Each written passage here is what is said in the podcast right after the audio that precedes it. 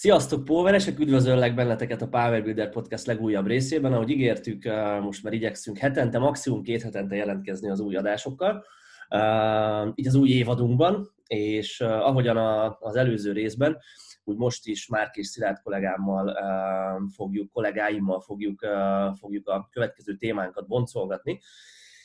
Körülbelül egy órás okosság dömpingre számíthattok. A podcastokat igyekszünk úgy alakítani majd, vagyis legalább ez az előzetes tervünk, hogy legyenek informatívabb részek, ahol egy-egy témát így kivesézünk, és igazából valamennyire ütköztetjük is a, a, a, az álláspontunkat így az adott témával kapcsolatban, mert nyilván nem azonos teljesen, hogy programozunk így PvP csapaton belül sem. Szerintem sokan meg is lepődnének, hogy, hogy sok esetben mennyire nem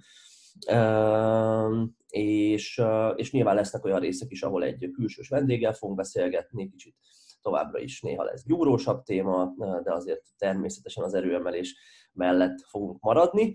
Mielőtt belevágunk a mai témába, azelőtt ezt ilyen más podcastokban láttam, hogy ilyen hírek rovat az mennyire menő. Mondjuk hírek rovatot. Van valami hírünk? Én nekem egy olyan hírem van, hogy a PVB kupára már teljesen fix ez az október 15-16, 16-17, nem tudom, na az a hétvégi dátum, most nem nyitom meg a naptáramat, szóval, szóval oda lehet már készülni mindenkinek, aki ezt most hallgatja, meg nyilván azoknak is, akik nem hallgatják, de szeretnének jönni. Nagyon valószínű, hogy hát szintén két napos lesz a verseny, ahogy az előző években is szokott lenni, és, és lesz külön versenyzői kategória szóval keressétek majd így a híreket, ezzel kövessétek a híreket ezzel kapcsolatban, mert kirakjuk majd a versenykírást, azt, hogy pontosan mi számít versenyzői kategóriának, mi számít tehetségkutató kategóriának. Mi is így csapaton belül egy picit, hogy is mondjam, az előző edzői meetingen egy kis vitába torkolt az, hogy, hogy pontosan ezt hogy csináljuk, és hogy hogy legyenek a díjazások, meg a sorrend megállapítása, és a többi, és a többi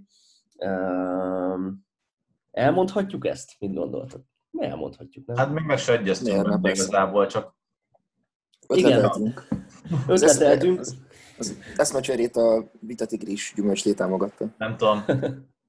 Igazából, ha már ezt így bedobtad a podcastbe, akkor akár komment szekcióban megírhatná azt, hogy ki mit gondol erről, aztán úgyis az lesz, amit ti akartok.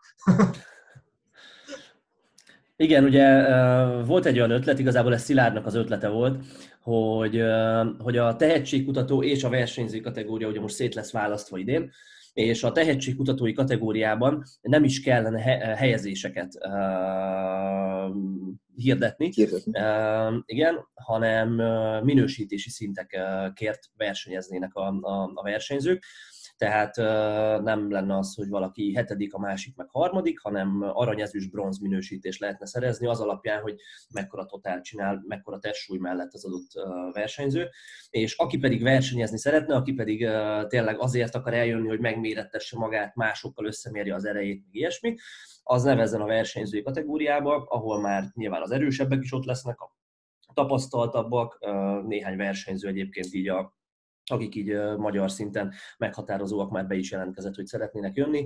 Tehát na, aki egy ilyen mezőnyben szeretne versenyezni, annak pedig ott van a versenyző kategória, és ott nyilván lesznek helyezések, meg, meg minden ilyesmi. Uh, igen, szóval ez De volt a szilárd. Én nem mondtad, hogy ez így megint tök jól hangzik egyébként. Szimpatikus, hogy a lájkot. szóval ez volt a Szilárd ötlete, és igazából én sem vagyok ellenére, de jöttek olyan hangok is így csapaton belülről, meg edzői csapaton belülről is, hogy, hogy az újoncoknak is, az első versenyeseknek, akik a tehetségkutató kategóriában szeretnének indulni, hogy nekik is jó, hogyha ha, ha van egy lehetőség arra, hogy másokkal így helyezések szintjén is összemérjék az erejüket, és hogy, hogy akár vannak olyan emberek, akik szerint béna lenne az, hogyha ha nem lenne helyezés csak uh, idézőjelben csak minősítési szintek, hogy elvenné ugye a versenynek talán az élét. Mm, igen, aztán erről lehet vitatkozni, mm, és most még mi is vacilálunk, hogy melyik megoldás legyen. Szóval Szóval várjuk igazából nagyjából, így a... Nagyjából az a csoport gyűlt össze, akik közötti nagyjából egyetértés van. Igen. Szóval, ja, Igen, mi hárman inkább ezt képviseltük, igen, amit, amit, amit most vázoltam, de bizonyos szempontok alapján abszolút megértem azt is, hogy, hogy az első versenyesek, a kezdőbbek is szeretnének egymással versengeni, csak ugye van egy olyan vetülete is a dolognak, hogy most akkor egymással versengenek, de a versenyző kategóriában, akik indulnak, ők már nem lesznek ott, akkor most a gyengék között erősnek lenni, az, na hát értitek, ilyen, vannak ilyen kérdések ezen még agyalunk, de tényleg kíváncsiak lennénk arra, hogy, hogy mi a véleményetek ezzel kapcsolatban, tehát így komment szekcióban jöhetnek ezzel kapcsolatban meglátások, meg privátba is írhattok, meg minden ilyesmi. Szóval, szóval ja, most ennyiben egy kicsit szeretnénk így, így változtatni a PVV kupák eddigi lebonyolításán, és, és szeretnénk megtalálni a lehető legjobb megoldást, de idén is őrült nagy show lesz, ahogy tavaly is volt, és, és ja, talán ez az egyik hírünk. Milyen hírünk van még? Zajlik uh, épp a napokban a Masters uh, EB, és uh, nekem Szatmári Zoli tanítványom uh, ott is van, és uh, holnap, most szombaton veszük ezt föl, vasárnap fog versenyezni. Talán dobogó esély is lehet neki a, a 105-ös kategóriában, tehát szorítunk neki ezerrel, én most itt a stream mellől fogom ezt követni.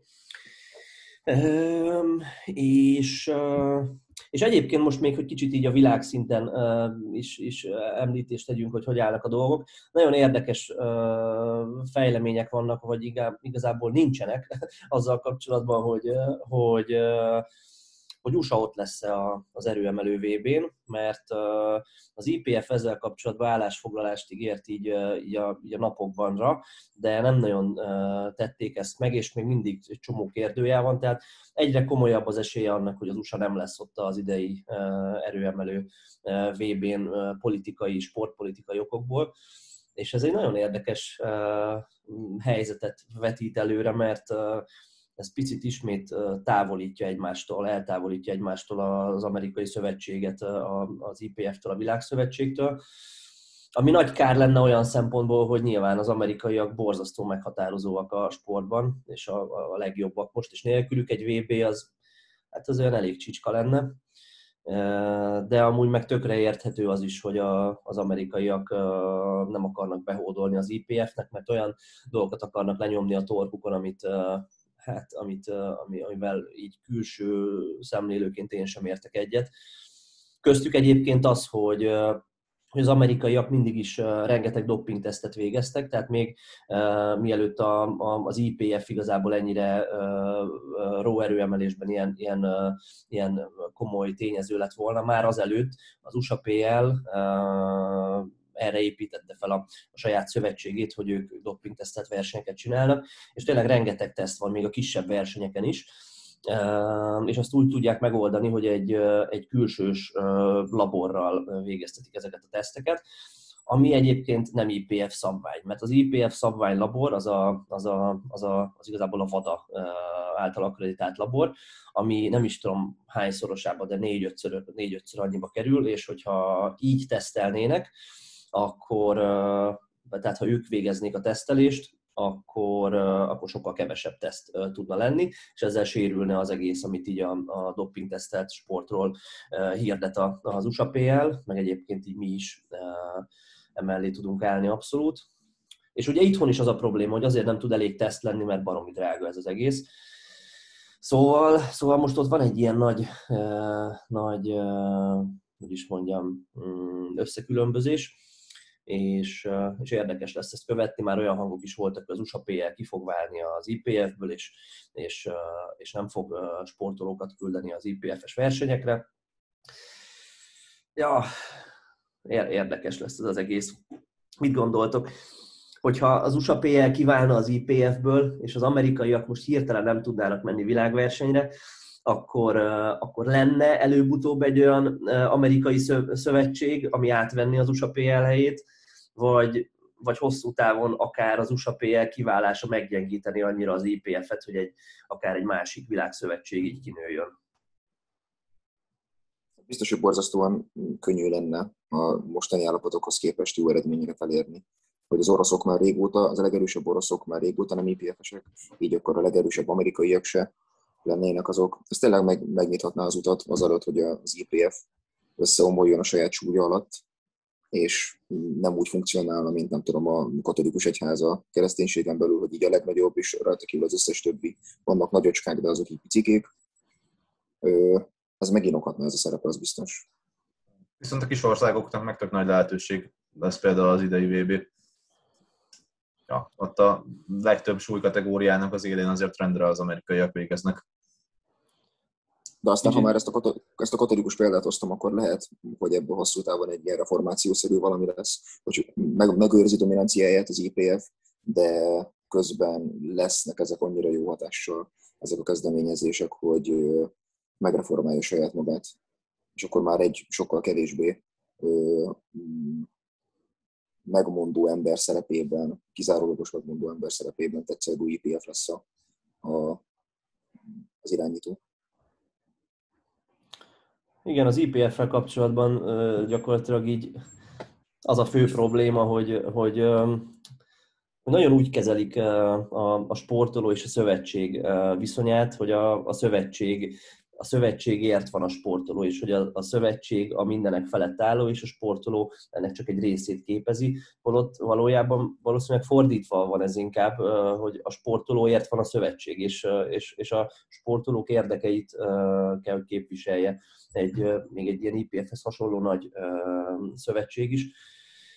És hát vannak olyan dolgok, igen, most, most a Master Szebbi kapcsán beszélgettünk erről az Olival, mert ő először megy most így nemzetközi versenyre, hogy, hogy ugye ahhoz, hogy te versenyzőként, vagy edzőként, vagy kísérőként ki tudj menni egy nemzetközi versenyre, ahhoz például az IPF vagy az EPF, az Európai Tagszervezete kötelezővé tesz, vagy kötelez téged arra, hogy, hogy a, a meghatározott hotelban szállj meg, és ezek a hotelok általában ilyen ötször annyiba kerülnek, mint a, mint a hasonló kategóriás normál hotelok az adott városban.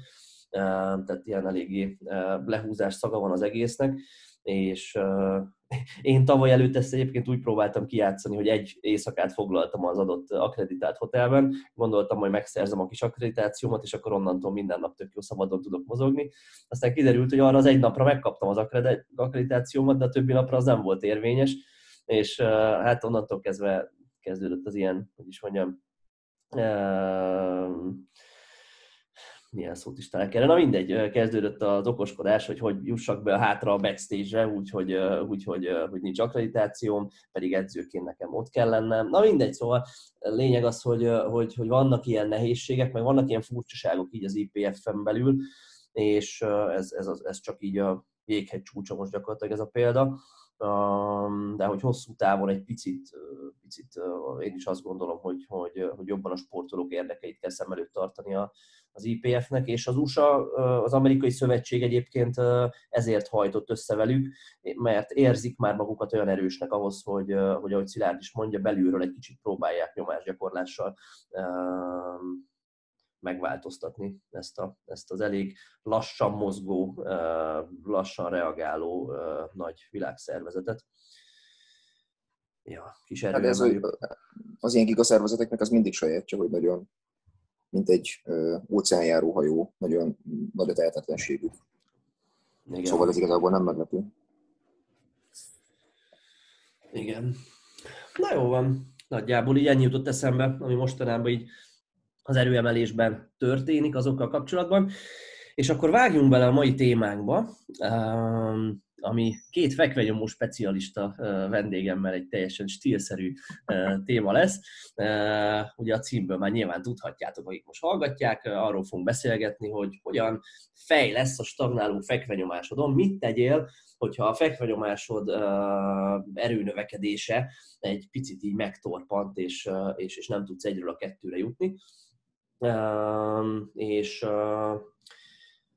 hogyan változtass az edzéseiden, programozáson, milyen, milyen tippeket tudunk ehhez adni.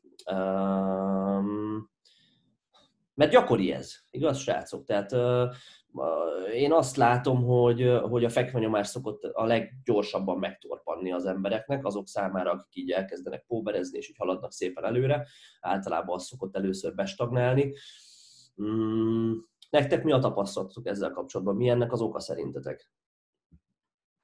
Fekvenyomás a legtechnikai igényesebb fogás a háromból, tehát a full parasztból ekeházi módon a fekvenyomásban lehet a leghamarabb falba ütközni, hogyha az ember technikája vagy az alapokkal sincsen rendben, vagy csak az alapokkal van rendben, és azon kívül minden egyéb technikai részletet mellőzi kivitelezés. Felhúzásból ez sokkal-sokkal magasabban van ez a plafon, amiben bele lehet ütközni, mint fekvenyomásból. Ja. Másrészt pedig szintén a fekvenyomás az nagyon fontos benne, hogy mennyire vagy tehetséges hozzá. Másrészt erőemelőként meg mindig egy, egy második gyakorlat lesz igazából, és hogy van, van, hogy vannak azok az esetek, amikor, amikor érdemes, mármint nem, nem feltétlenül lehet rá, hogy külön, külön edzésnapot szenni, meg külön edzésnapot szentelni, hiszen nekünk ott van még a fekvenyomók, fekvenyomókkal szemben a guggolás, meg a felhúzás is. Tehát, hogy picit a fekvenyomás az általában az háttérbe szokott vagy tud szorulni. Mit gondoltok egyébként most? Nem titok, hogy megbeszéltük előre, hogy nagyjából mikről fogunk most beszélni, és milyen, hogy mondjam, tudok beszélni, hogy milyen, milyen vonalon fogjuk vinni ezt a témát. De az jutott eszembe most így azon teljesen kívül, amit, amit megbeszéltünk, hogy a fekvenyomásra szánt fókusz szerintetek mennyire szokott hibázni az átlag erőemelőnél?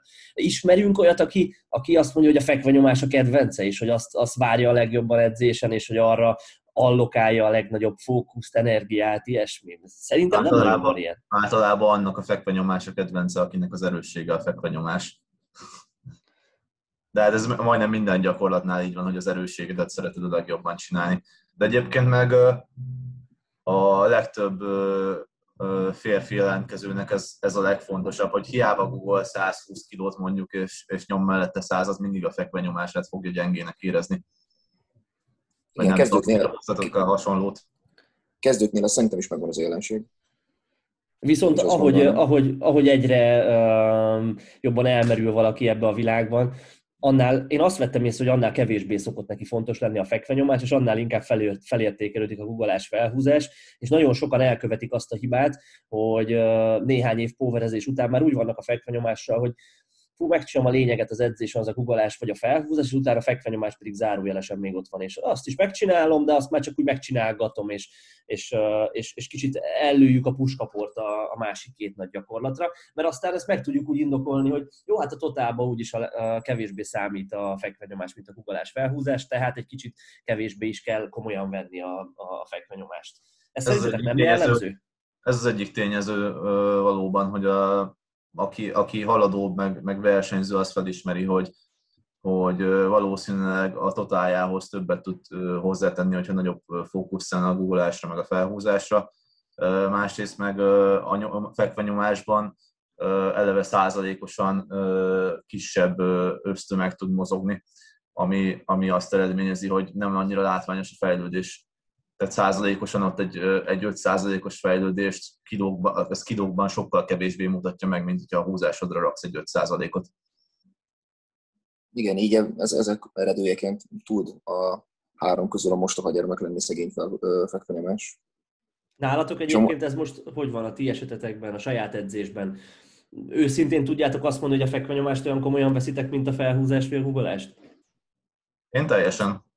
Én általában a saját négy napos edzéstervemben szoktam egy külön felsőtes napot csinálni, ahol a fekvenyomás van leginkább fókuszban, és akkor ott, ott nyomom a legtöbb sorozatot, meg ott van a topset, meg, meg minden ott van. Nekem valahogy nem tudom, én, én ugye küzdősportos, gyúrós körökből jövök, és nekem belém fiatalan nagyon belém verték, hogy a fekvenyomás az, az mennyire nagyon fontos, és így, ja, én nem, nem mondom, hogy ez a kedvenc gyakorlatom, meg, ö, meg ö, nem is vagyok benne kiemelkedően tehetséges, így, így, így tök átlagos adottságaim vannak hozzá szerintem, de nem tudom, hogyha választani kéne egy a három gyakorlat közül, én nem tudnám eldönteni azt, hogy, hogy, hogy melyik, melyik az az egy, ami, ami nekem a legfontosabb én sajnos ebben sáros vagyok ebben, a, amit most az előbb mondtál. Én szeretek úgy hozzáállni a fekvenyomáshoz, hogy az gyakorlatilag egy technikai szám, nem is nem kell rá felpörögni, megcsináljuk, mert ez is része, sőt, ebben meg főleg sáros vagyok, ennek a kommunikációjában is élen járok, hogy a fekvanyomás ez csak a halftime show a két fél idő között, mert úgyis a húzás a lényeg, úgyis a negyedik negyed érdekel mindenkit a meccsen. Ja, és akkor ebben ez amúgy meg is mutatkozik sajnos általában, hogy sokkal jobb felhúzókat nevelek, mint, mint fekvanyomókat. Viszont a saját nyomásodra ez már talán nem feltétlenül igaz. Most hát attól, attól, attól, attól még középszar a nyomásom, tehát azért a 83 kg 147-es nyomás az nem, nem kiemelkedő. Um, és ha már ezzel kezdtünk, mit gondoltok, mit, uh, mit lehet tenni annak érdekében, hogy az ember ebből a, ebből a gondolkodásmódból kilépjen? Mi az, amit uh, szoktunk tanácsolni a tanítványainknak? Én kezdem egy olyannal, hogy több esetben észrevettem azt, hogy hogy fókuszáltan, tényleg az előttük álló feladatra koncentrálva melegítenek az emberek a hugolás vagy felhúzás esetében, és aztán amikor az megvan, és a fekvenyomáshoz érnek, akkor már csak így kicsit izé nevetgélnek, el vannak, különösebb mentális fókusz nélkül csak lefekszenek a padra, nyomkodnak párat, és, és hogy, hogy nincs, meg az a, nincs meg az a csak magamat tudom ismételni, hogy nincs meg az a fókusz, már a melegítés során, már a mobilizálás során, hogyha kell az adott embernek a hidat mobilizálni a, a bemelegítő szériák során, eh, mint mondjuk eh, még edzés elején eh, frissen a, a, a, a googolás esetén. Szóval én azt szoktam javasolni azoknak, akik, akiknek el van maradva a nyomásuk, és erre én szeretek figyelni, hogy, hogy, hogy tényleg ne legyen az, és ezt aztán betartani nehéz, de ne legyen az, hogy, hogy, hogy még a googolásnál odaállok a rúd alá, üres rúd 60, 80, 100, és tényleg próbálom a mozgást összerakni, figyelem a testemet, hogy mozog, akár ha kell megismétlem azt az adott melegítőt, mert úgy érzem, hogy most a technikát még nem kapom el. Tehát értitek, ilyen, ilyen tényleg, tényleg odafigyelve történik a melegítés. Ezzel szemben fekvenyomásnál van, hogy belenyomunk csak 60 áh, fosnak érződik, kicsit mindegy, fölmegyek már mindjárt top szetre, két szet múlva, és akkor az is fos lesz nyilván. Tehát, hogy az az extra odafigyelés nincs meg a melegítés során, meg a mobilizálás során. Én ezt szoktam kérni a srácoktól, hogy erre, erre figyeljünk, de a legtöbb embert időről időre erre újra emlékeztetni kell, mert valószínűleg az edzés felépítéséből adódóan googolás után, vagy felhúzás után kicsit lekerül a teher az emberről, hú, megvan, fasza, oké, amit terveztem, az sikerült, akkor most már lehet kicsit lefeküdni a padra, és akkor gyúrni, meg pihenni.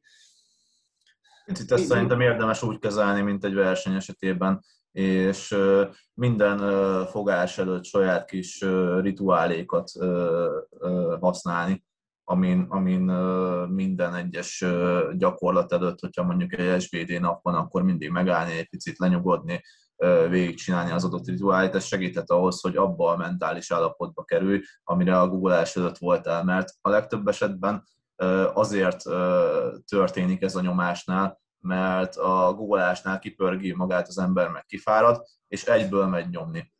Viszont, hogyha van előtte egy pici lenyugtató dolog, egy kis mobilizálás, egy kis, egy kis valami, akkor az, az segíthet megint felvezetni azt a, azt a szintű fókuszt, azt, a szintű pörgést, ami, ami aztán azt fogja eredményezni, hogy a nyomásra is már, már ott leszel megint fejben. Ezzel egyetértek, hogy ebből könnyű beleszaladni ebből a hibába, de szerintem ugyanilyen könnyű orvosolni edzői kommunikációval és munkamorállal. Tehát, hogyha többiek azt látják egymáson, hogy tényleg nagyon izé, szemmel szemellenzővel beszűkült, bebeszűkített koncentrációval mennek oda az emberek a nyomáshoz, akkor ez a munkamorál fog elterjedni az edzőteremben. És ezt ellensúlyozandó, bár ezt a, nem közvetlenül erre a problémára, hanem a felhúzás kapcsán szoktam én ezt csinálni, hogy hiába van felhúzás fókuszban, az arra megy, azzal megyünk nehéz többszetre az adott napon, akkor se felhúzással kezdjünk, hanem legyen előtte könnyű golás, meg közepes vagy közép nehéz nyomás. Hogy az ember ne szokja meg azt, hogy csak az edzés első fele vagy harmada az, amikor nagyon oda kell koncentrálni, hanem hogy meglegyen az a verseny ne érjen meglepetésként az, hogy ki lehet bukkadni a verseny első része, az első része után. És akkor Tartalék, is... Tartalékolni kell az energiát, meg a koncentrációt. Akkor is így teszel, hogyha mondjuk egy, egy négy napos edzésterv van, amiben két ugolás van, csak akkor is inkább mögé teszed a húzást? Volt már, hogy igen, de akkor jellemzően nem. De én szerintem azért egy harmadik nagyon lájtos gólás, az szerintem az jól szokott tenni általában.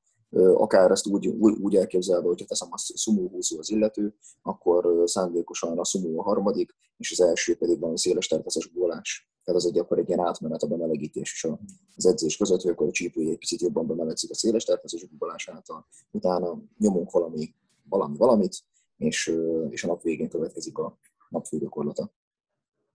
Jó. Ez csak így érdekelt így magunk között, de nyarodjunk azért annyira.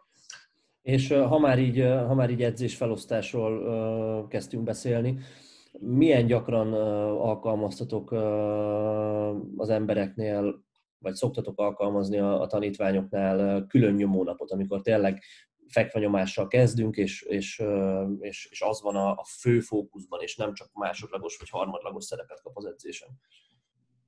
Négy nap, nap esetén ez full indokolt. Négy nap esetén szinte mindig. Tehát, hogyha már, már, már nem három napos edzéstervről beszélünk, hanem négy napos edzéstervről, akkor, akkor feltétlenül van egy külön nap. Igazából az alsótest regenerációja szempontjából is jót tesz, másrészt pedig még, még akkor is én így szoktam alkalmazni, hogyha csak heti hármat nyom az illetőt érdemes versenytől távol, minél inkább közeledik a verseny, annál ugye kisebb létjogosultságát látom ennek, mert akkor már érdemes egymás után gyakorolni a fogásokat és, és rendszeresíteni jobban az SVD napokat.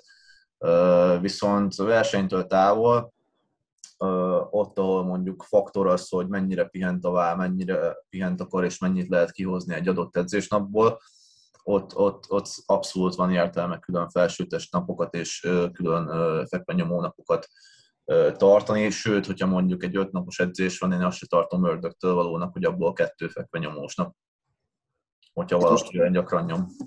Itt most hadd mondjak ellent, mint a vitatigris. Hogyha valaki négyet edz, akkor szerintem már indokolt a heti négy fekvenyomás hiszen itt beszéltünk a technikáról, és a technika gyakorlásához a frekvencia ugyanúgy hozzátartozik. Az, hogy egy héten minél többször próbáljuk meg gyakorolni az adott mozdulatot. És szerintem, hogyha valaki, akkor válaszolva a legeredetibb föltett kérdésre, legelső feltett kérdésre, hogyha valaki be, elkezd stagnálni fekvőnyomásnál, akkor a frekvencia növelés azt szerintem az egy tök jó módszer, hogy akkor heti kettő vagy három helyet elkezd háromszor vagy négyszer fekvenyomni, annál többször gyakorolva a mozdulatot. Szóval négy fekvenyó nap, na, bocsánat, négy fekvenyó más esetén, amiből az egyik egy dedikált fekvenyó nap, szerintem akkor érdemes akkor már minden napon fekvenyomni. Mielőtt átkanyarodnánk a programozás részéről a dolognak, nem tudom, ti honnan, honnan szerettek kezdeni mondjuk, hogyha valakinek bestagnál a nyomása, tehát meg, megrekedtek egy-két hónapja, nem nagyobb mozdul a maxa, sem a tényleges, sem a becsült, sem a szérias súlyok, akkor mi az, amit, amit először megnéztek, és mi alapján mentek, mi az, amit először szemléltek kritikusan a nyomásban ez a technika, a programban néztek egyből bele, vagy inkább, vagy inkább mondjuk arra kérdeztek rá, hogy evette, vagy aludta eleget, vagy ilyesmi mi, mi, az, ami, mi az első olyan pont, amire ilyenkor gondoltok? Hogy, de érdekes, tényleg. Én pont ezt akartam. Azt kérdezem mert azt, azt a legkönnyebb orvosolni, azt nem kell gyakorolni. Tehát érted azt, hogy figyelj, lefeküdtél, hát sorozatot néztünk éjfélig, jaj, hát akkor bazd meg, akkor mit vársz magadtól? Hát, tehát ez, e, e, ez nagyon könnyen földbeíthető, nagyon könnyen orvosolható. Én ezért ezt kérdezném meg először. Én, én azt akartam mondani, hogy, hogy a legtöbb esetben szerintem, hogyha fekvenyomás stagnálásról beszélünk, akkor, akkor ez már önmagában foglalja azt, hogy, hogy, hogy a guggolás és a felhúzás nem stagnál. Tehát, hogy ha most nem, nem arról beszélünk, amikor egy fekvenyomás, tehát egy olyan specifikus problémá, problémára próbálunk megoldást találni, hogy a fekvenyomás nem akar fejlődni, akkor nem arról beszélünk, hogy igazából semmi nem akar fejlődni, és katasztrófa az egész edzés, és nem tudunk előrelépni egyről a kettőre, mert ha így van, akkor igen, akkor a regeneráció az, az nyilván az összedzés terhe és az edzésen kívüli dolgok, kaja, pihenés, hidratálás, ilyesmi nagyon fontosak, de, de hogyha, szóval, na, tök egyszerűen válaszolva, én azt szoktam megnézni, hogyha nem fejlődik a nyomás, hogy mellette a hugolás és húzás fejlődik-e, mert hogyha azok fejlődnek, akkor valószínű nem regenerációs probléma áll a nyomás tagnálás mögött, hanem, hanem azzal van a gond, tehát magával az edzéssel van a gond, és nem az edzésen kívüli dolgokkal, amik az edzést támogatják. És ez most egy érdekes dolog, és én ezt szoktam figyelni, és most itt szerintem itt be is tudom dobni, hogy mi van, az, mi van akkor, hogyha nagyon-nagyon megy a googolás, és pont az fogja hátráltatni a nyomásodat. Tehát, hogy valakinél mondjuk nagyon-nagyon tolod a guggolást, van heti három guggolása, mondjuk mind, mind, legalább kettő lóbár belőle, és, és pont a folyamatos nem feltétlenül sérülésre vagy fájdalmakra gondolok, hanem a folyamatos váll és kar fáradtsága az, ami, ami azt okozza, hogy bestagnál a nyomás. Ilyenkor én például szoktam olyat csinálni, hogy főleg versenytől távol simán kiszedek egy lóbárt, és, és, és esetleg még emellé berakok egy külön fekvenyomós napot. És ez általában szokott segíteni ilyen esetekben. Én,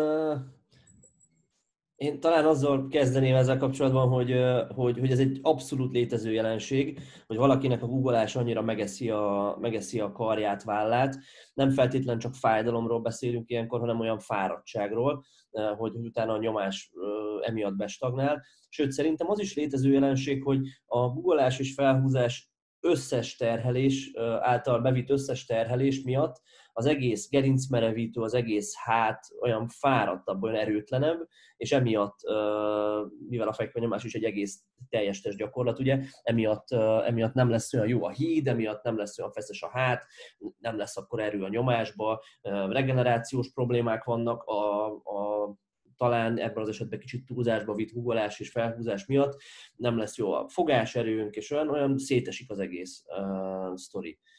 Mm, igen, én, én, én megint csak azt mondom, hogy, hogy ha, ha túltoljuk a guggolást és a felhúzást, akkor általában azok se szoktak fejlődni.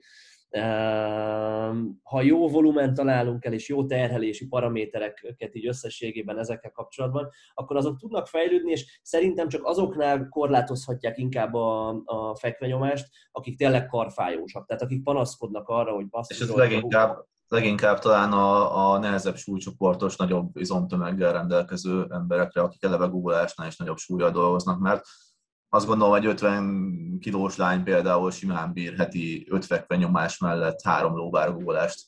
Szóval, hogy ez, ha, ha stagnál a fekvenyomásod, és, és, és egy nagyobb testsúlyú, erősebb versenyző vagy, akkor lehet érdemes talán ezen elgondolkodni, hogy, hogy, hogy picit a, a, a googleás felhúzás volumenje az, ami, ami, ami gátat szabanyomásod fejlődésének.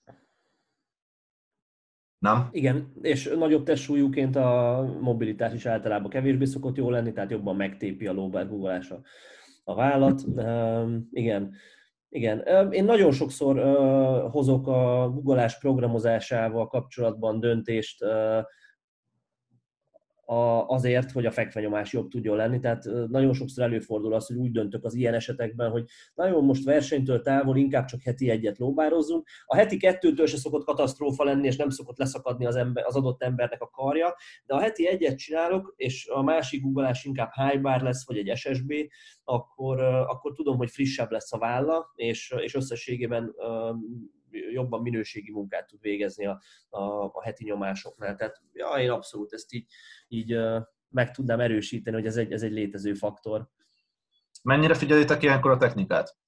És most uh, uh, talán különítsük el azt, hogy amikor, uh, amikor uh, valaki kezdő, és mondjuk még uh, az alapok hibázzanak, tehát nem tudja, hogy tartsa a vállát, uh, nem jó a rúdútja, um, elmegy a feszesség az alján, tehát ne, ne, ne, ne feltétlenül ilyen hibákra gondoljunk, hanem mikor van az, amikor azt keresitek mondjuk, hogy, hogy, hogy az ilyen műansznyi dolgokba nyúltok bele. Gondolok itt tovább, hogy hova néz, hogy tartja a lábfejét, milyen széles terpezben van érintve, vagy süppesztve nyom,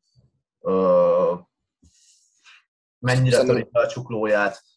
Mert van olyan, Szerint... bocsánat, befejezem. Mondja, mondja, mondja, azt hiszem, van, van, nekem sok olyan jellegű tapasztalatom van, hogy egy ilyen pici műansz megváltoztatása azonnal akár heteken belül, hogyha megszokja az adott ember, hogyha, hogyha ez egy jó döntés, akkor plusz kilókat tud hozni azonnal a nyomásra.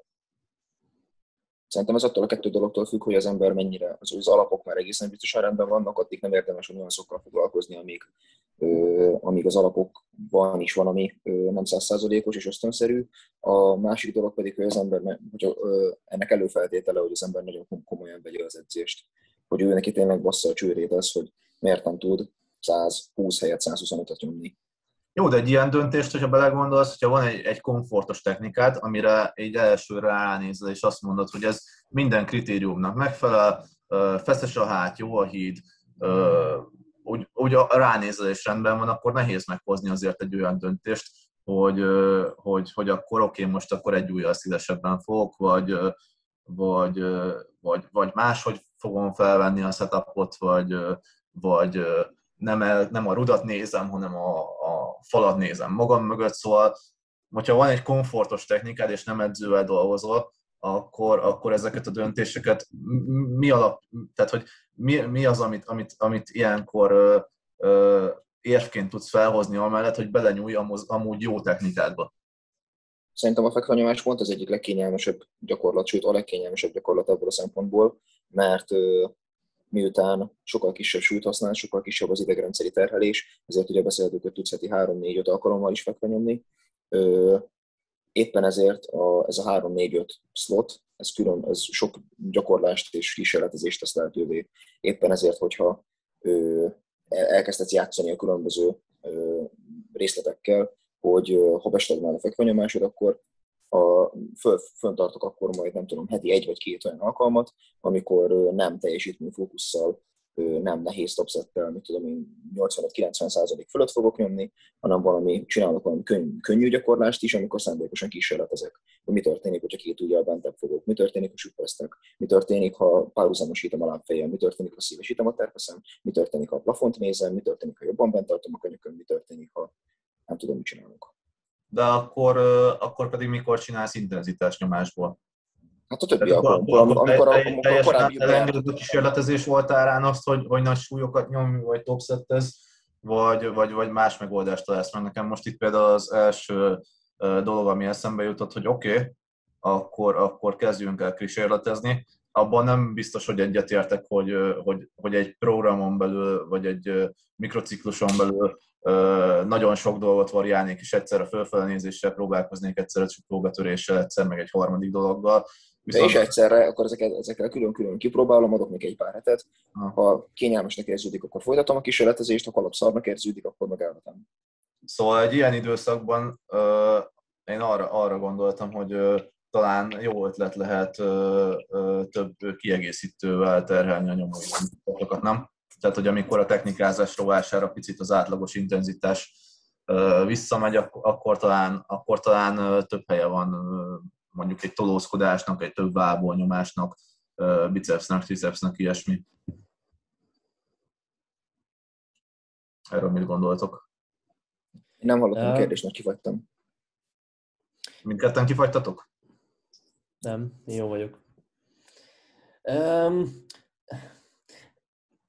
igen, szóval amikor, amikor ilyenekről beszélünk, akkor, akkor szerintem abszolút azt, azt, azt, azt el kell fogadnunk, és ezt a hallgató kedvéért mondom inkább, hogy, hogy, hogy nyilván több jó út létezik arra, hogy, hogy kilábaljunk a stagnálásból.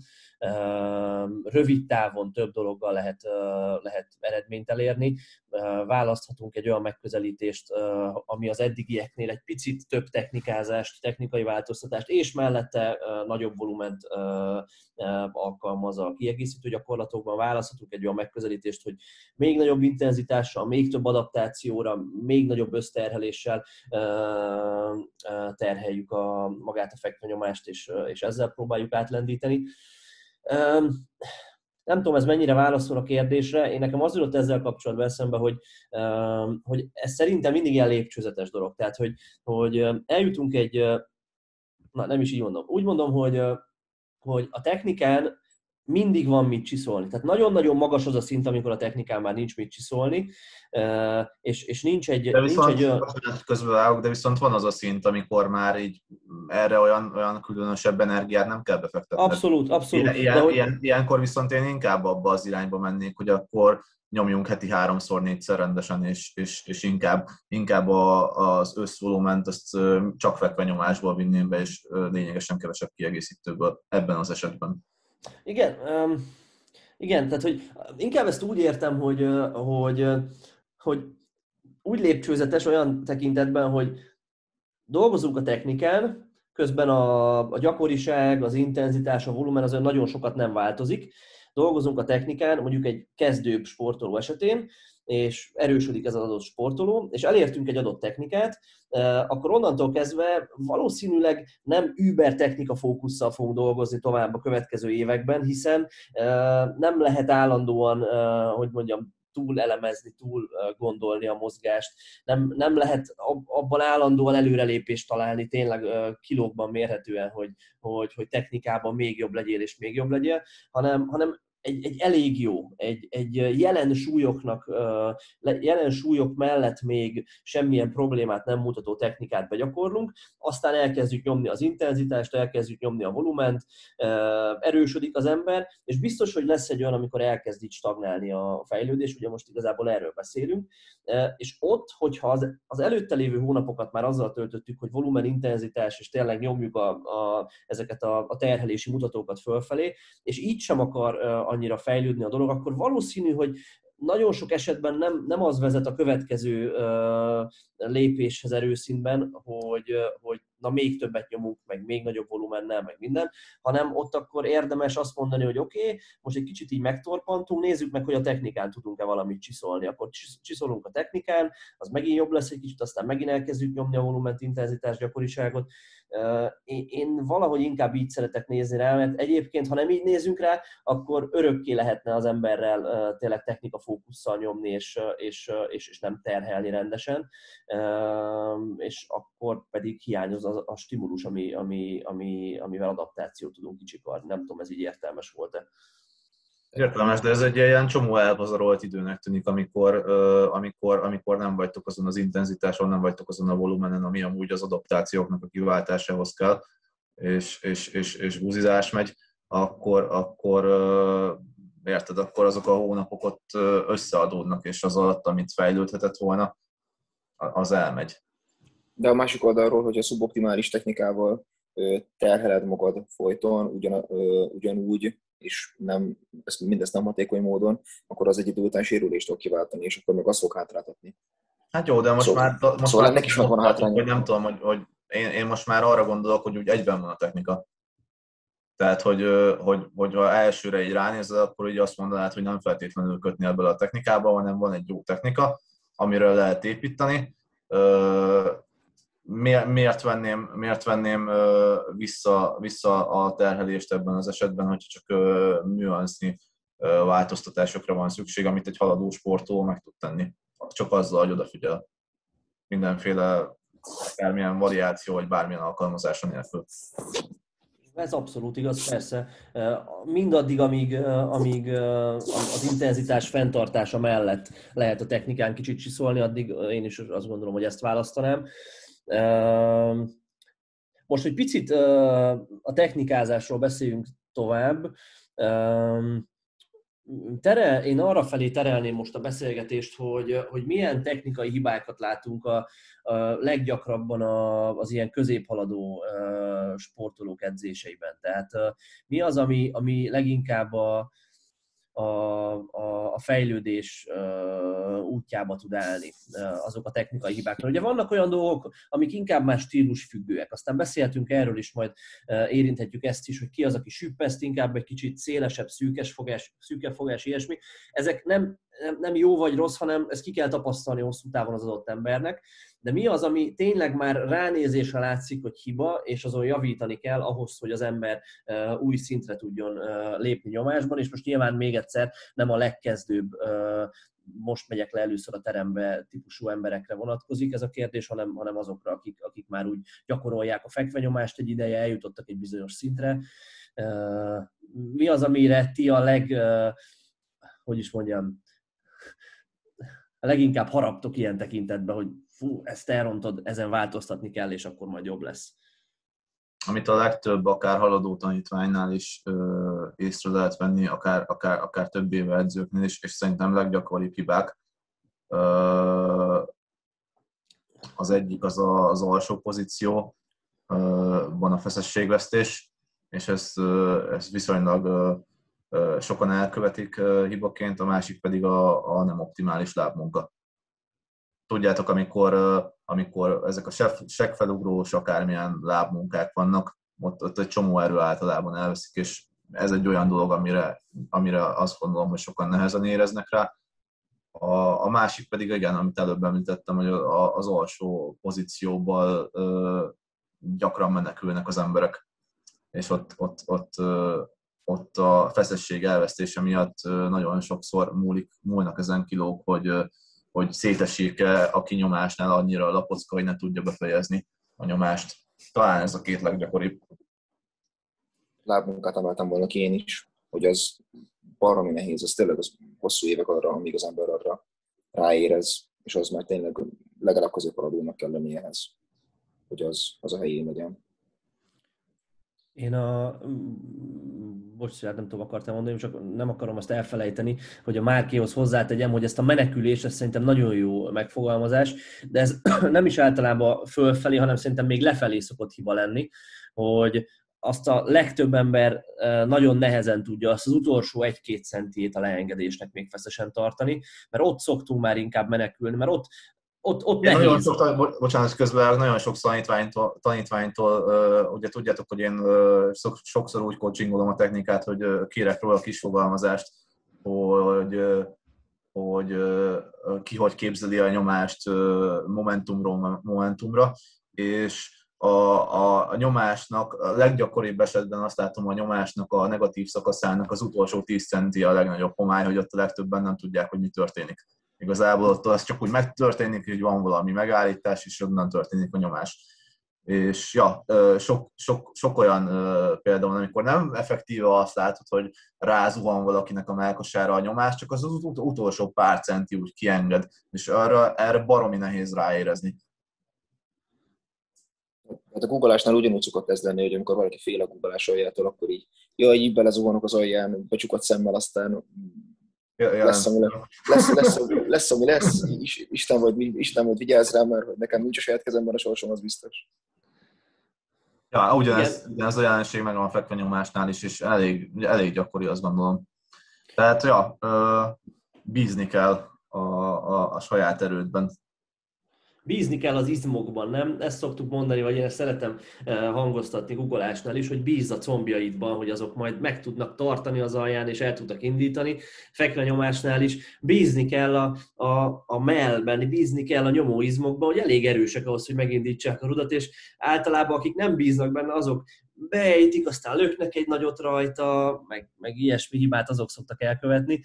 Uh, igen. Szerintem, szerintem erre, ha már itt a technikáról beszéltünk sokat, erre a hosszú megállításokkal nehéz egyek, háromig számolva, ötig számolva, 90% környékén azok tudják stabilizálni azt az alsó pozíciót, hogyha az ember edzi, hogyha ez heti szinten visszatérő jelenség, hogy az embernek ott van a kezében az a súly, amit lent meg kell tartani, és ne, nem, nem szabad, hogy elsiesse, az akkor meg tudja hozni ezt a magabiztosságot az alján, hogy ne csak egy ilyen kamikáze beejtés legyen belőle főleg, hogy izé, a legtöbben szerintem még gyakran mi is alábecsüljük azt, hogy egy versenyen milyen hosszú megállítás van nyomásnál. Hát az, elég nem, nem csak egy pillanatig kell feszesnek lenni, hanem, hanem, hanem azt akár egy-két másodpercig is meg kell tudni tartani. És akkor most teszem fel a kínzó kérdést, amire kíváncsi vagyok, hogy uh, mit mondatok. Hogyha mostantól uh, csak egy variációt lehetne alkalmazni a nyomásra, akkor az a tempó lenne, vagy a hosszan megállított. És a többit soha nem lehet, vagy a másikat soha nem lehet. Megállítás kérdés nélkül. Én ebben nem Úgy... vagyok annyira biztos, mert a tempó az annyit hozzá tud adni a negatív szakaszban történő lábmunkához, hogy azt, azt nem biztos, hogy elengedném. És egy tempónak az aljára is ugyanúgy lehet hosszabb megállítást tenni, úgyhogy én ezért inkább a tempót. Jó, de Ácsi most csaltál mert akkor izé benne van a tempóban a, a megállítás is, na nem már. Jó, akkor, akkor, akkor a megállítás ez nem érve a tempó mellett, viszont a negatív szakaszban történő lábmunka, amit szintén szerintem sokan nem éreznek, az, az, az a tempó mellett szól nekem egyértelműen. De a lábmunkánál fontosabb a hátfeszességnek a megtartása, és az, az pedig a megállítás szerintem jobban. Hát de, de, de hogyha hogy egyben egy egész egységként gondolsz a testedre, és, és a lábad jól dolgozik a negatív szakaszban, akkor a hátad is könnyebben meg fogja tartani a feszességet. Egészen a, a rúdnak a kontrollálásától kezdve a megállítás alsó pontjáig minden, mindenben benne van a láb. Ez igaz, de szerintem tök mindegy, milyen a láb, hogyha a hátad nincs rendben. A hátad az egy elsődlegesebb előfeltétele a jó nyomásnak. Jó, én ak- akkor is mondom, hogy, hogy erre nem úgy tekintenék, hogy hát és láb, hanem egy egységként, és a tempó az, az segít erre ráérezni. Mindegy, én a tempót láttam, nem, nem, nem győztem meg magam az ellenkezőjéről.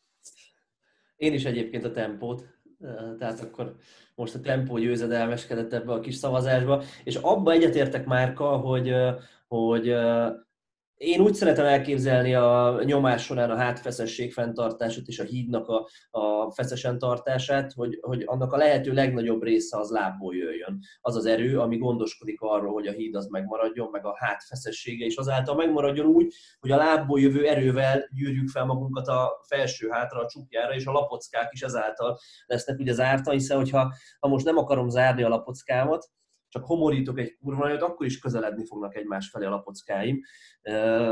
Tehát, tehát én is így a lábunkát... A lábaddal tudod a mákasodat eleve magasan tartani a negatív szakaszban. Tehát sok olyan, tehát amikor, amikor azt látod, hogy a negatív szakaszban nem jó a lábmunka, akkor általában azt, azt fogod észrevenni a nyomáson, hogy miközben a, a rút közeledik a melkashoz, a melkas is süllyed egy picit lefele.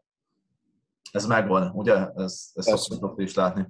Tehát ebben az esetben valószínűleg rossz a negatívban a lábmunka, és, és ez hozni fogja magával azt, hogy az alsó pozícióban nem annyira uh, feszes, uh, feszes alsó pozícióba fogsz megérkezni.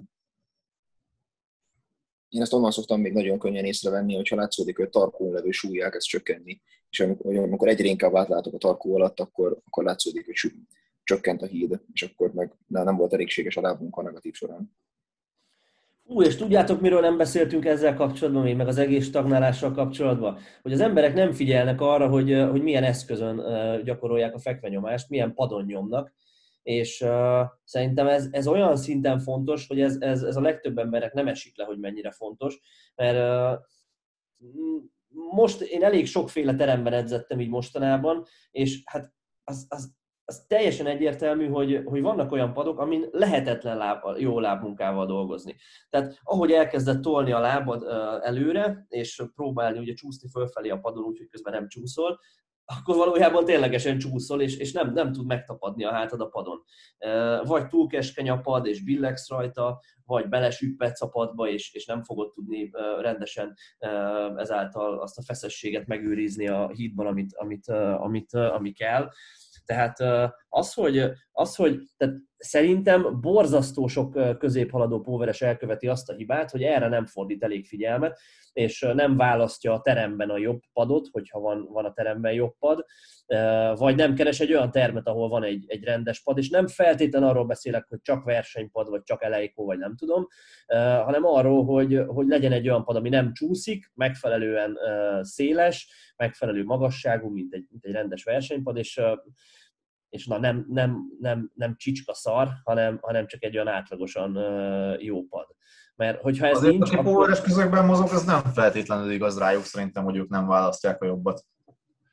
Tehát, hogy bele, bele gondolok csak abba, és az a baj, hogy itt most magamból indulok ki, de szerintem minden ember egy picit ilyen, hogyha egyszer megtapasztalja jót, és mondjuk nekem nagyon sok online a Cutlerbe jár edzeni, vagy, vagy ilyesmi, ahol azért meg, megtalálható versenypad, tehát én is, amióta vannak a kombórekkek nálunk a HQ-ba, én azóta úgy, úgy, úgy viszolygok picit a, izé, a mobil rekkes nyomástól, meg az erőkeretes nyomástól, mert, mert hogyha egyszer megtapasztalod, hogy, hogy mi a jó, akkor utána nem, tehát hogyha egy picit is érdekel, akkor nem fogsz úgy hozzáállni, hogy hát szabad ez is, de itt közel vannak a súlyok, akkor inkább ide jövök. Szóval szerintem nyilván egy fontos tényező, de többnyire szerintem, hogyha a poweresek hallgatnak minket, vagy akiket az érdekel, az, azok szerintem talán már eljutottak odáig, hogy, hogy tudnak jó padot választani, meg olyan teremben edzeni, és egyre több lehetőség is van, főleg Pesten erre. De hogy ez ha. szerintem tényleg kibaszottul fontos. Tehát, hogy ez, ez, ez őrült fontos. És van, vannak olyan emberek, akik figyelnek a fekvenyomás technikára, és próbálnak benne fejlődni, de lekúrják a törölközőt a padra, és arra fekszenek rá. Tehát, hogy ez, ez, ez, nem is tudok napirendre térni a fölött, hogy, hogy hogy fordulhat meg valakinek a fejében az, hogy törölközőre feküdjön egy fekvenyomásnál. Tehát, olyan szinten, és azt a hallgatóknak szeretném kiemelni, mert mi nyilván ezt tudjuk, olyan szinten kúrja el az egész gyakorlatot, hogyha ha csúszkál a hátad a padon, hogy az, az, az, az, az egy teljesen más gyakorlat lesz belőle. Viszont akkor, hogy már mondjunk egy tippet is, a, volt annó ugye videónk arra, hogy hogyan tudsz egy olyan teremben betapadni a padra, ahol, ahol nem használhatsz magnéziát, és azóta van egy sokkal-sokkal jobb megoldásunk, amit nem is tudom, hogy kitalált ki.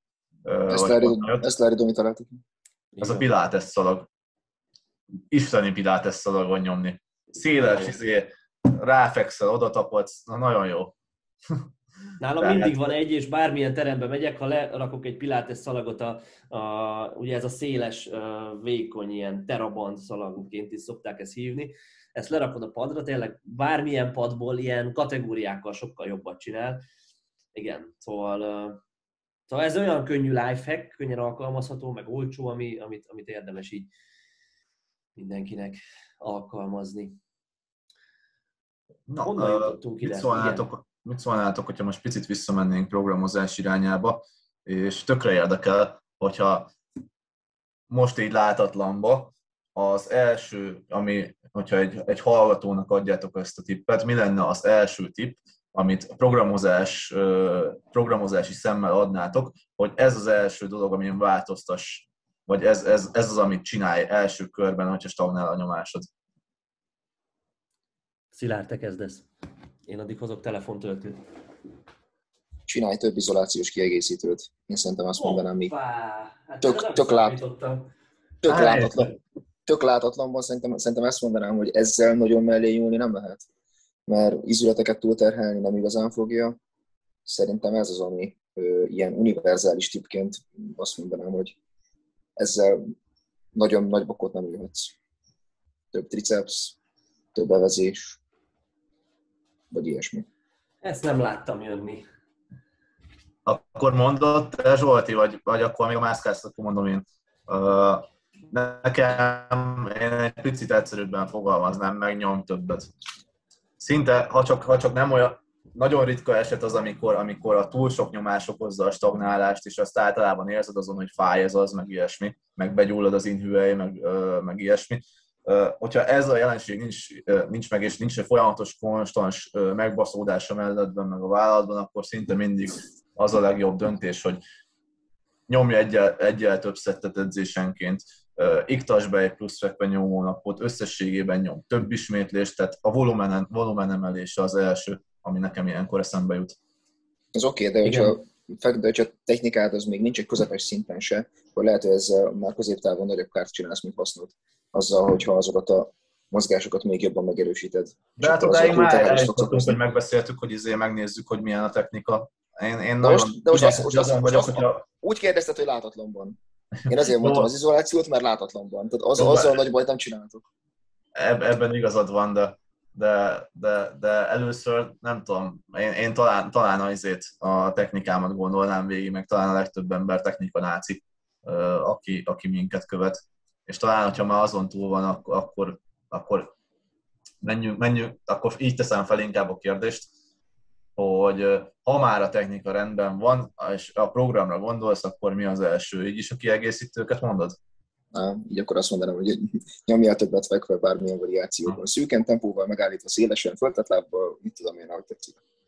Ebben nagyon egyet fogunk érteni akkor, és hozzátenném azt, hogy hogy a, a technikán való dolgozás és a nyom többet tanács az, az, az, az abszolút egyszerre is működik párhuzamosan, mert hogyha a hallgatók közül valaki azt gondolja, hogy hát a technikámon azért lenne mit csiszolni, akkor attól függetlenül még lehet többet is nyomni. Azt javasolnám így ezeket összefoglalva, hogy, hogy sok szubmaximális munka, tehát sok RPE 6 körüli szériázás, RPE 7, nagyon ritkán kicsit nehezebb, de ezzel berögzíteni a még jobb technikát, és mellette nyomni többet, mint eddig. És általában ez azért az embert az ilyen nagyobb stagnálásokon túl szokta lendíteni.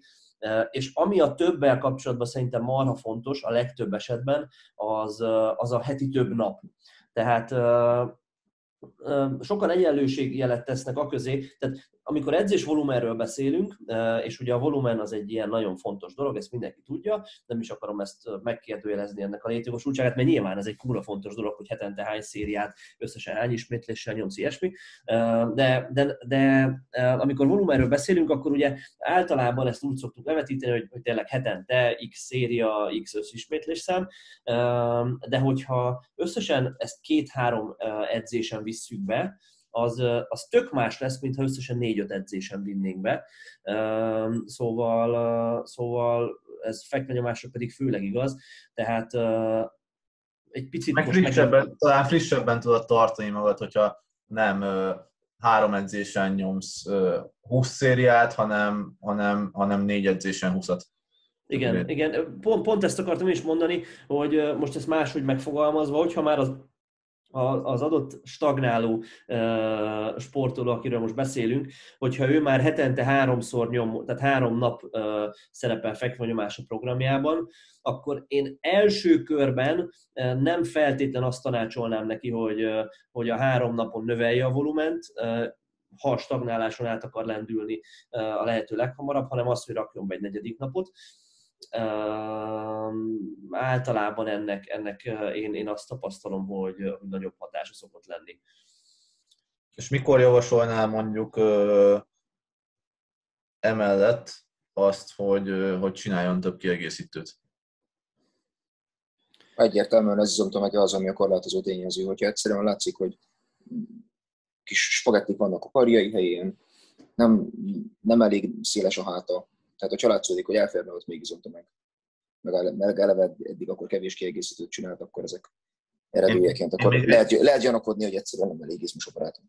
Én még egy esetet mondanék, amikor ö, szívesen adnék kiegészítőt, de ez egy bitka eset.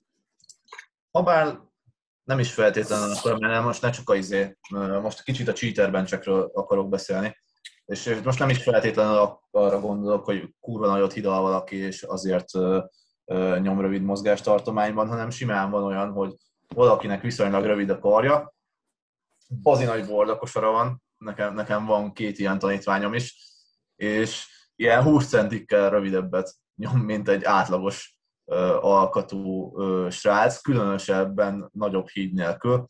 Ebben az esetekben uh, én, én uh, szívesebben uh, nyúlok uh, több kiegészítő triceps, biceps, váll, kézisúzós nyomás, meg ilyesmikhez, mint, mint más esetekben. Amikor, amikor valaki egy, egy normális mozgáspályán dolgozik, és rendben van a technikája, én inkább azt mondom, hogy nyomjunk négyszer minél közelebb, a, vagy nyomjunk minél többször a lehető legközelebb a versenygyakorlathoz. Um, igen, talán az, hogy, hogy kicsit a, a beszélgetést, uh, hogy is mondja, visszamozdítsam középre, vagy, vagy ja, nem is tudom, talán uh, azt tenném hozzá, hogy, hogy mindkét megközelítéssel lehet erősödni. Ebben mindhárman egyetértünk, tehát hogy Több jó hallgató kedvéért, igen, hallgató kedvéért mondom, hogy, hogy lehet úgy is erősödni, hogy az ember viszonylag az összheti felsőtest nyomó volumenének a kisebb részét csinálja klasszik fekvenyomásból, és a nagyobb részét csinálja a fekvenyomásnak a távolabbi variációiból, lehet így is erősödni, meg lehet úgy is, hogy a, a heti terhelés nagyobb részét csinálod versenygyakorlatból, vagy közeli variációkból, és a egész kicsi részét csak ilyen izolációsabb jellegű gyakorlatokból.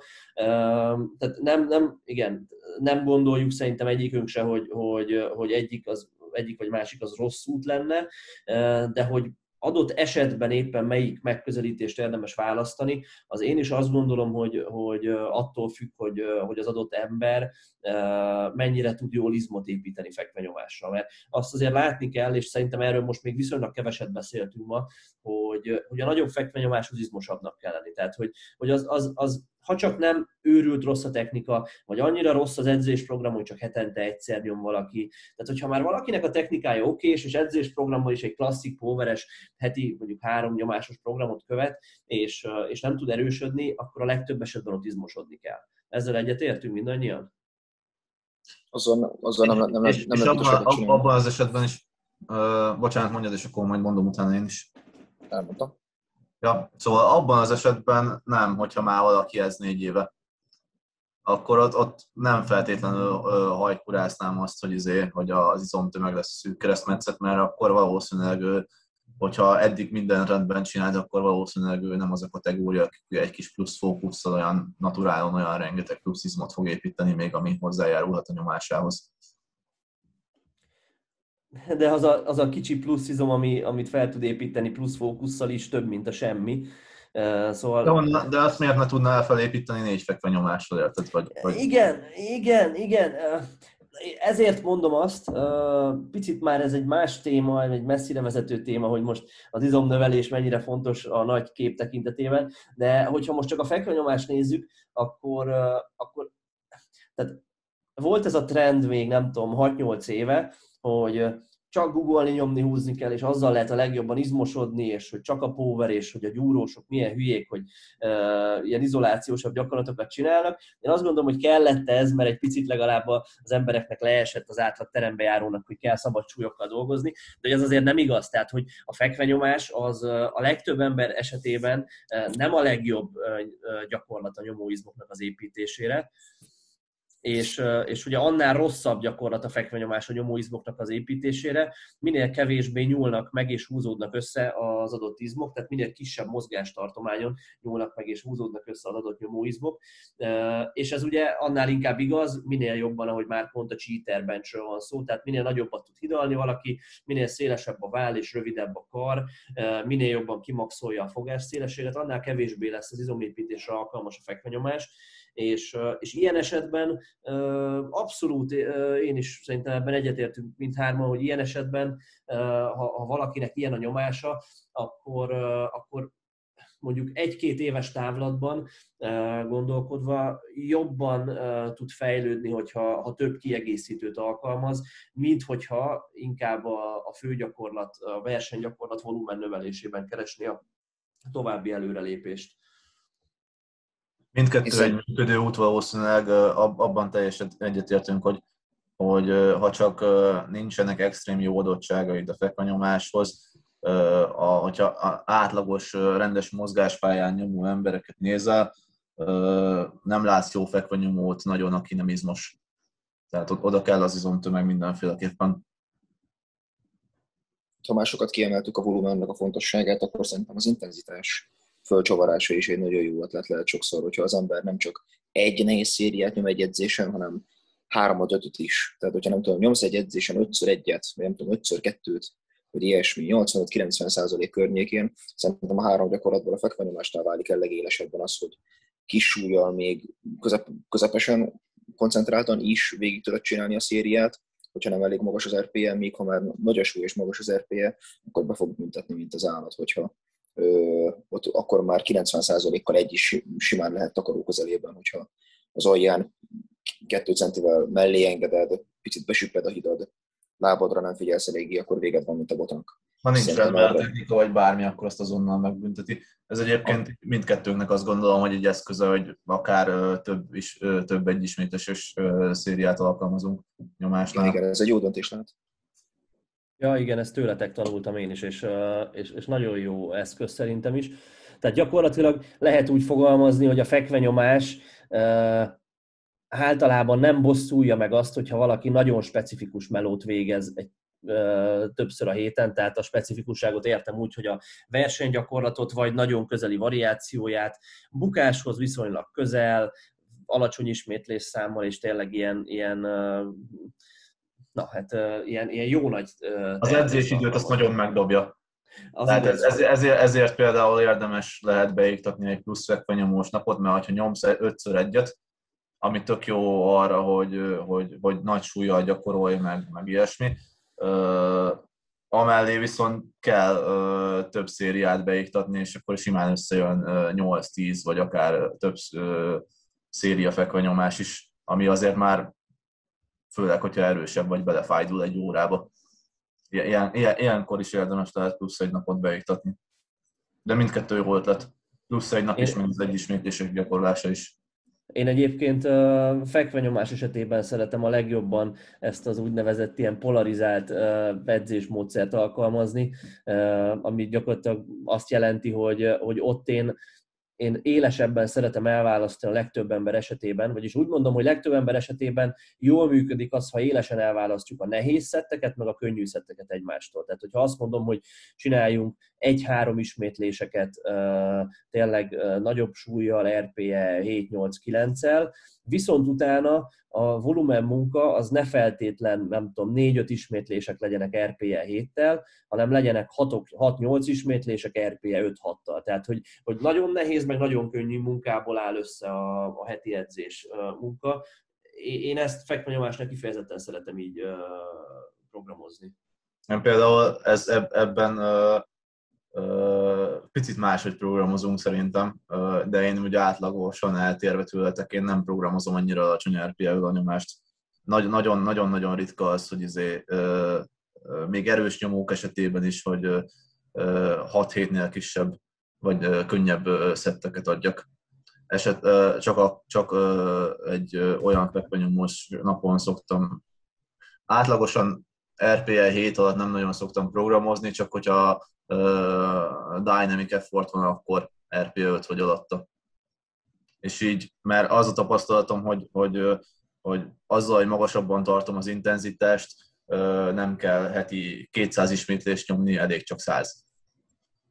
Szóval én ezt egy picit... Gyakorlásnak az izomtömegnek viszont jót tesz. Hát, de hogyha már izé, az izom, nem, nem az izomtömegért edzesz valakit feltétlenül, akkor, akkor akkor, akkor nem gondolom, hogy, hogy rosszabb lenne, hogyha ö, magasabb RPS szetteket nyom. Másrészt meg, ö, hogy egy ellenérvet is mondjak, RPE 5-ös szettekkel nem biztos, hogy akkora izomnövekedési ingert váltasz ki, mint egy RP 7-es 8-as szettel. Tehát lehet, hogy valószínűleg közel ugyanott lesz a kettő.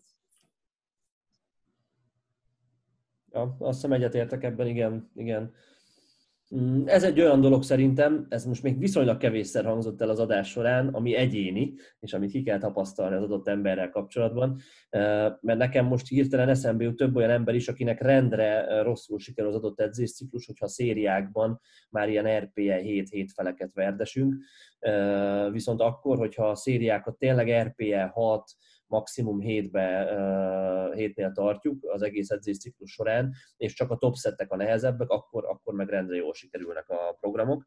Nem mondom azt, hogy nem lehetne ezeknek az embereknek úgy programozni, hogy, hogy RPE, tehát hogy magasabb RPE mellett is uh, legyen fejlődés, de, de mindenképpen azt, azt, azt, azt kimerem jelenteni, hogy, hogy azt, azt észrevettem, hogy vannak olyan emberek, akiknek a magas RPE nem tesz jót fekve nyomásban, mert úgy, úgy lassulnak tőle, olyan, olyan, olyan lomhább lesz az egész nyomás, és olyan, olyan, olyan nem, nem, nem, valahogy nem lesz jobb az erőkifejtés.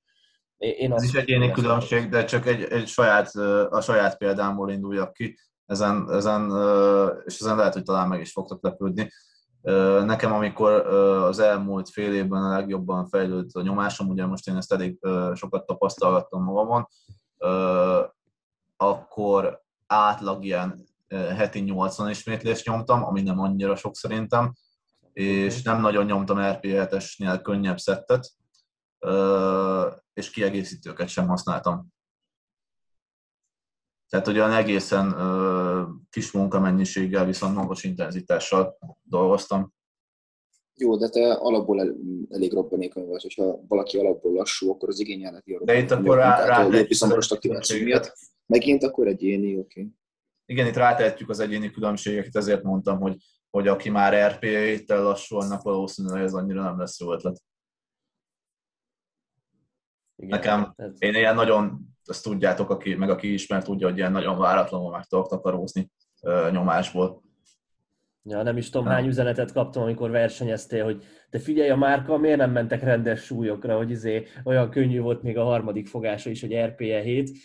mert hogy ugye neked azért, a, a, igen, ez neked így működik, hogy gyors, gyors, gyors, és aztán hirtelen, mintha elvágták volna.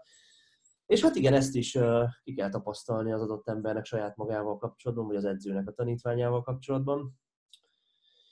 Miről nem beszéltünk? Én, én, például, én például, bocsánat, hogy még ezt hozzáteszem a saját példa.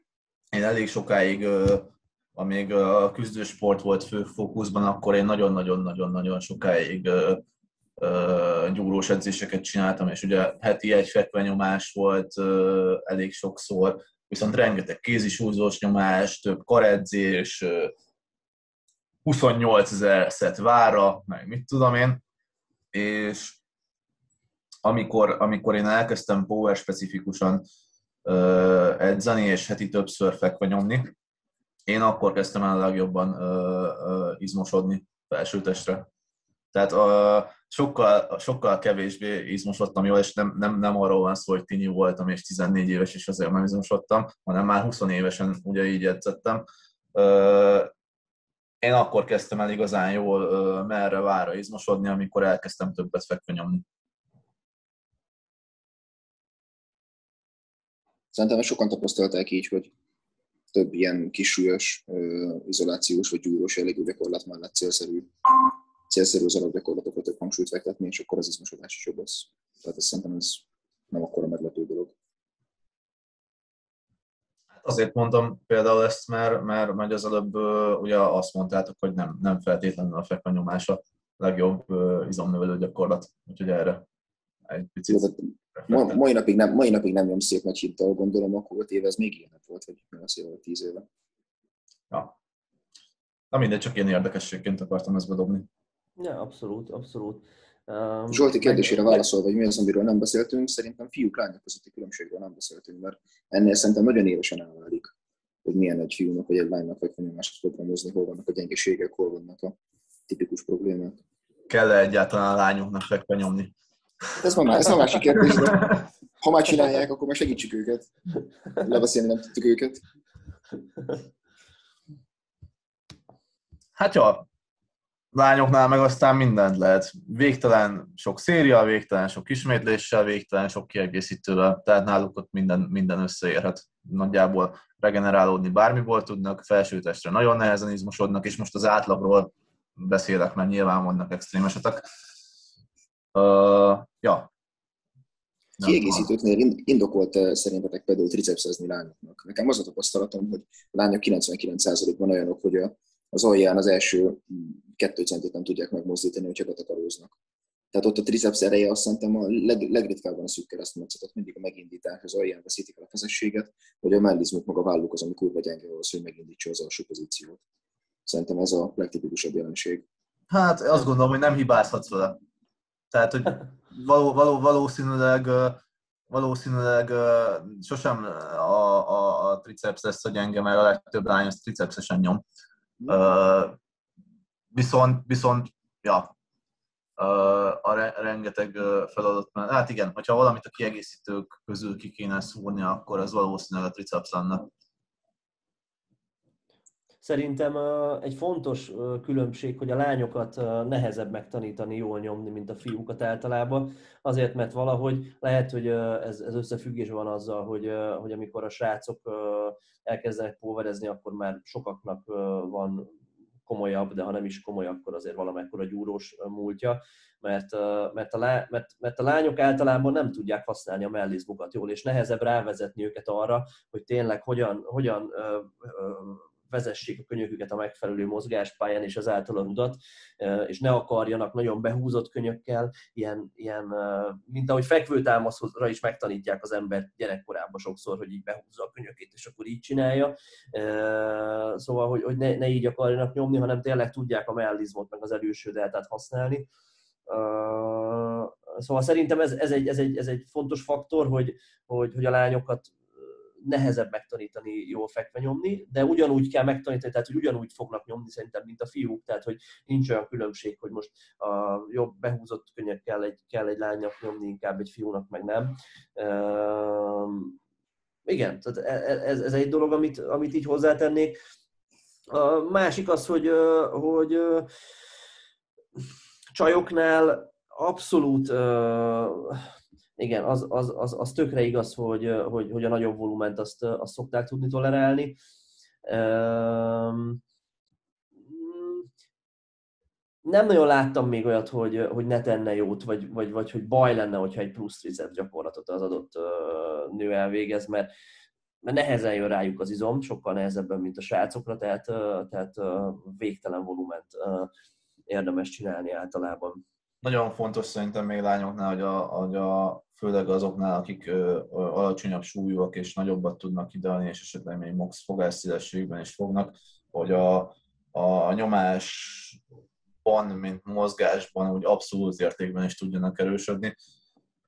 Ö, és én például csajokkal rengeteget szoktam kézisúzót nyomatni, meg larzan nyomni, pont ezért mert a lábmunkát azt úgy ők meg tudják oldani, meg azt nem tanulják, azt gondolom nehezebben, mint a fiúk, viszont a felső testereje az, az mindig szűk keresztmetszet tud lenni. Éppen ezért szerintem, a, ha már azt mondtuk, hogy triceps az le, leértékelődik, akkor szerintem a vállereje, meg a mellereje, meg a, a híd mértéke azt szerintem viszont felértékelődik. Tehát miután nem tudnak süppeszteni az alján, mert nincs akkor a testük, mint egy 120-140 kilós nagy, nagy hordótestű férfinak, ezért az aljáról sokkal kevésbé tudnak lendületet venni. Tehát éppen ezért az alján tényleg jobban erőből kell megoldaniuk, és a háti mobilizálás az ezáltal végtelenszer fontosabb lesz. Illetve szerintem a fejfődi, fejfődi nyomások a vállereje miatt. Azt szerintem egy fiúnál el tudom képzelni, hogy ez teljesen mellőzhető, de lánynál szerintem indokolt lehet akár heti kettőször fejfődi nyomni, vagy valamilyen módon. Ez most, csak egy, ez most csak egy hirtelen gondolat lesz, de lehet az, hogy lányoknál a fekvenyomás volumenje mellett érdemes külön nagyobb figyelmet fordítani arra, hogy számold mondjuk a felső testre végzett nehézszettek számát, még a nyomás volumen mellett, és hogy abban is tud, hogy tud mérni, és tudja abban is esetleg progressziót találni. Szoktátok ezt figyelni? Én magamtól most nem, de most így elgondolkodtatom, elgondolkodtattam magam ebben az irányban. Hozzáteszem, hogy nekem nincs is sok csajom. Összesen a tanítványaim közül van négy-öt. Én azért nem figyel, nem, nem szentelnék akkor figyelmet a fejfélő nyomásban, hogy ott is fejlődik el a nehéz szettekben. Nem, nem, nem, nem, nem, nem, nem feltétlenül így gondolom, hanem összeadni az összes felsőtest munkát, és megnézni azt, hogy merre, hátra, vára, karra összesen hány uh, nehéz szettet végez egy héten. Hogy, hogy tudj, hogy uh, tud, tudd azt, hogy uh, hogyha, hogyha tovább, tehát hogyha nem elég, akkor, akkor, akkor ezen akarsz növelni, vagy a fekvenyomáson akarsz növelni. Tehát hogy ahhoz, hogy talán el tud dönteni, érdemes, és hogyha valaki lányként nézi az adást, akkor lehet, hogy érdemes számolni azt, hogy összesen felsőtestre hány nehéz munkasorozatot végez. És ebbe értsünk bele mindent, ami felsőtest. Gondoltam. Én azt gondolom, hogy ez, ez srácokra is igaz. A csajoknál talán ezt azért emeljük ki most egy kicsit jobban, vagy azért most jött fel ez, mert, mert, mert ott, ott ténylegesen nehéz azzal hibázni, hogy túl sokat csinálunk, és, és, és emiatt egy sokkal könnyebben alkalmazható fegyver az, sokkal kisebb kockázattal alkalmazható fegyver az, hogy nagyon csináljunk még többet. És a még több az, igen, fekvőtámasz, tolóckodás, az is ilyen szempontból még több, hogy, hogy a nyomóizmokat úgy összességében erősítsük. Uh, igen. Igen, és talán a csajoknál, most lehet, hogy ugyanazt mondjuk el több különböző módon, a csajoknál egy, egy rossz technikával nem lehet elevickélni, és nem lehet, nem lehet haladni előre egy, egy már középhaladó szintnél tovább sem nagyon. Tényleg jó kell, hogy legyen a technika, mert egyszerűen nincs annyi izomtömegbeli puffer, hogy, hogy egy, egy szar technikát a megfelelő helyeken egy kicsit így ki, hogy is mondjam, kipótoljon az ember az izomtömegével, hanem ott tényleg, tényleg rendbe kell lenni minden milliméterének a mozgásnak, szerintem. Nyilván a srácoknál is ez a cél, csak hogy ott ez kevésbé szembetűnő, mert, mert ja, ez kevésbé tud szűk keresztmetszet lenni korán. Továbbá lehet jutni, így van. Sátálni a technikával a fiúknak. Igen. Na jó van, srácok, nagyjából kiveséztük. Hmm, szerintem bennem úgy, kérdezni? bennem úgy nem maradt olyan... te gondolat. Amit úgy, amit úgy szeretnék megfogalmazni. Jó, hogy a végén kitértünk a lányokra, mert talán ezt nem terveztük el előre. Szívesen. Ja, azt hiszem, hogy, hogy a legfontosabb dolgokat megbeszéltük. Hát aztán nyilván sok vetülete van még az egésznek, nagyon érdemes azon is beszélgetni majd egy másik alkalommal, hogy süppesztés vagy nem süppesztés, kinek melyik a jobb fogásszélességet, hogy belőni, ilyesmi. De most ugye elsősorban nem is a technikai uh, nüanszokról szólt ez az adás, hanem arról, hogy ha, ha valaki megakadt, akkor, akkor milyen eszközei lehetnek ahhoz, hogy tovább lépjenek, uh, vagy tovább lépjen. Mm.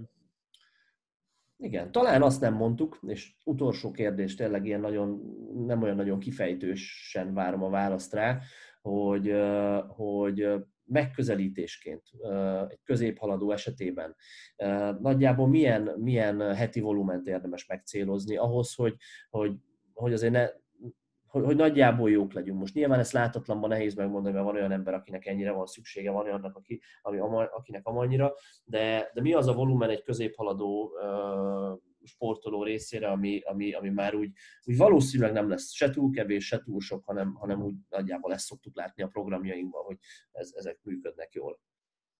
Miben várod a megfejtést? Összismétlés számban, vagy szedtek Amit, számban? Amiben, amiben szeretnétek. Akkor Mert én mondom azt, egy, egy, egy középhaladó, átlagos adottságokkal rendelkező emberről beszélünk, ugye?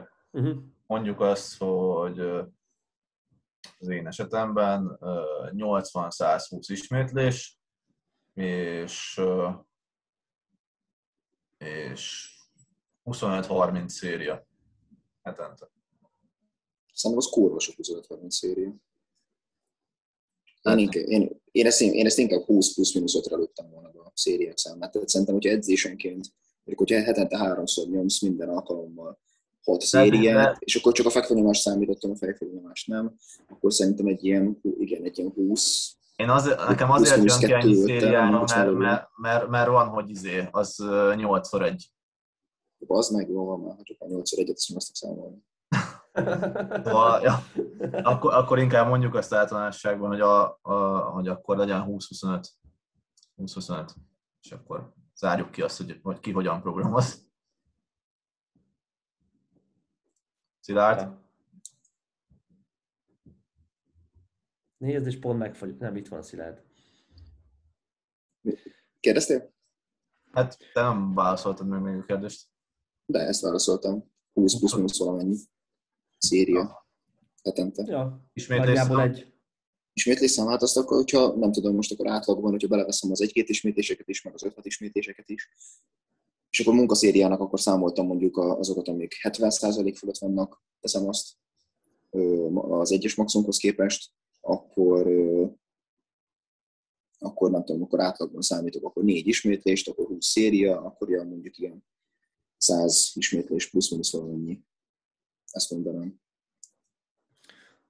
Igen, uh, nyilván programozási stílus függő, de hogyha most csak ilyen általánosságban beszélünk, akkor én is azt mondanám, hogy kettő számjegyű nyomás mellett, már középhaladóként, mármint kettő számjegyű nyomás volumen mellett középhaladóként nálam már ritkán szoktak uh, dolgozni az emberek, tehát száz fölötti uh, összismétlés számban hetente, uh, úgy, úgy átlagban. Mm Ja, szóval ezt a 80 kötőjel 120-at én, én azt gondolom, hogy úgy nagyjából jónak érzem az én részemről is, mm, és hetente, hogyha szériákat számolunk, akkor ja, ez a 20 körüli, ez, ez általában azért kelleni szokott, mm, és, és gyakoriságban pedig a legalább három. A kettő, van olyan, akinek kettő nyomás elég? Szerintem nem nagyon. Heti kettőt már nem az a fősportja. Jó, hát oké, okay, igen. De hogy direkt nem programoznánk. De, igen, de most én is most direkt egy olyat mondtam, vagy aki sérülésből jön vissza, nem tudom, valami ilyesmi, tehát ilyen extrém körülmények szükségesek hozzá. Gyakoriságban a, a hármat mondanám arany középútnak, az, az, az már szerintem sokáig elég kell, hogy legyen.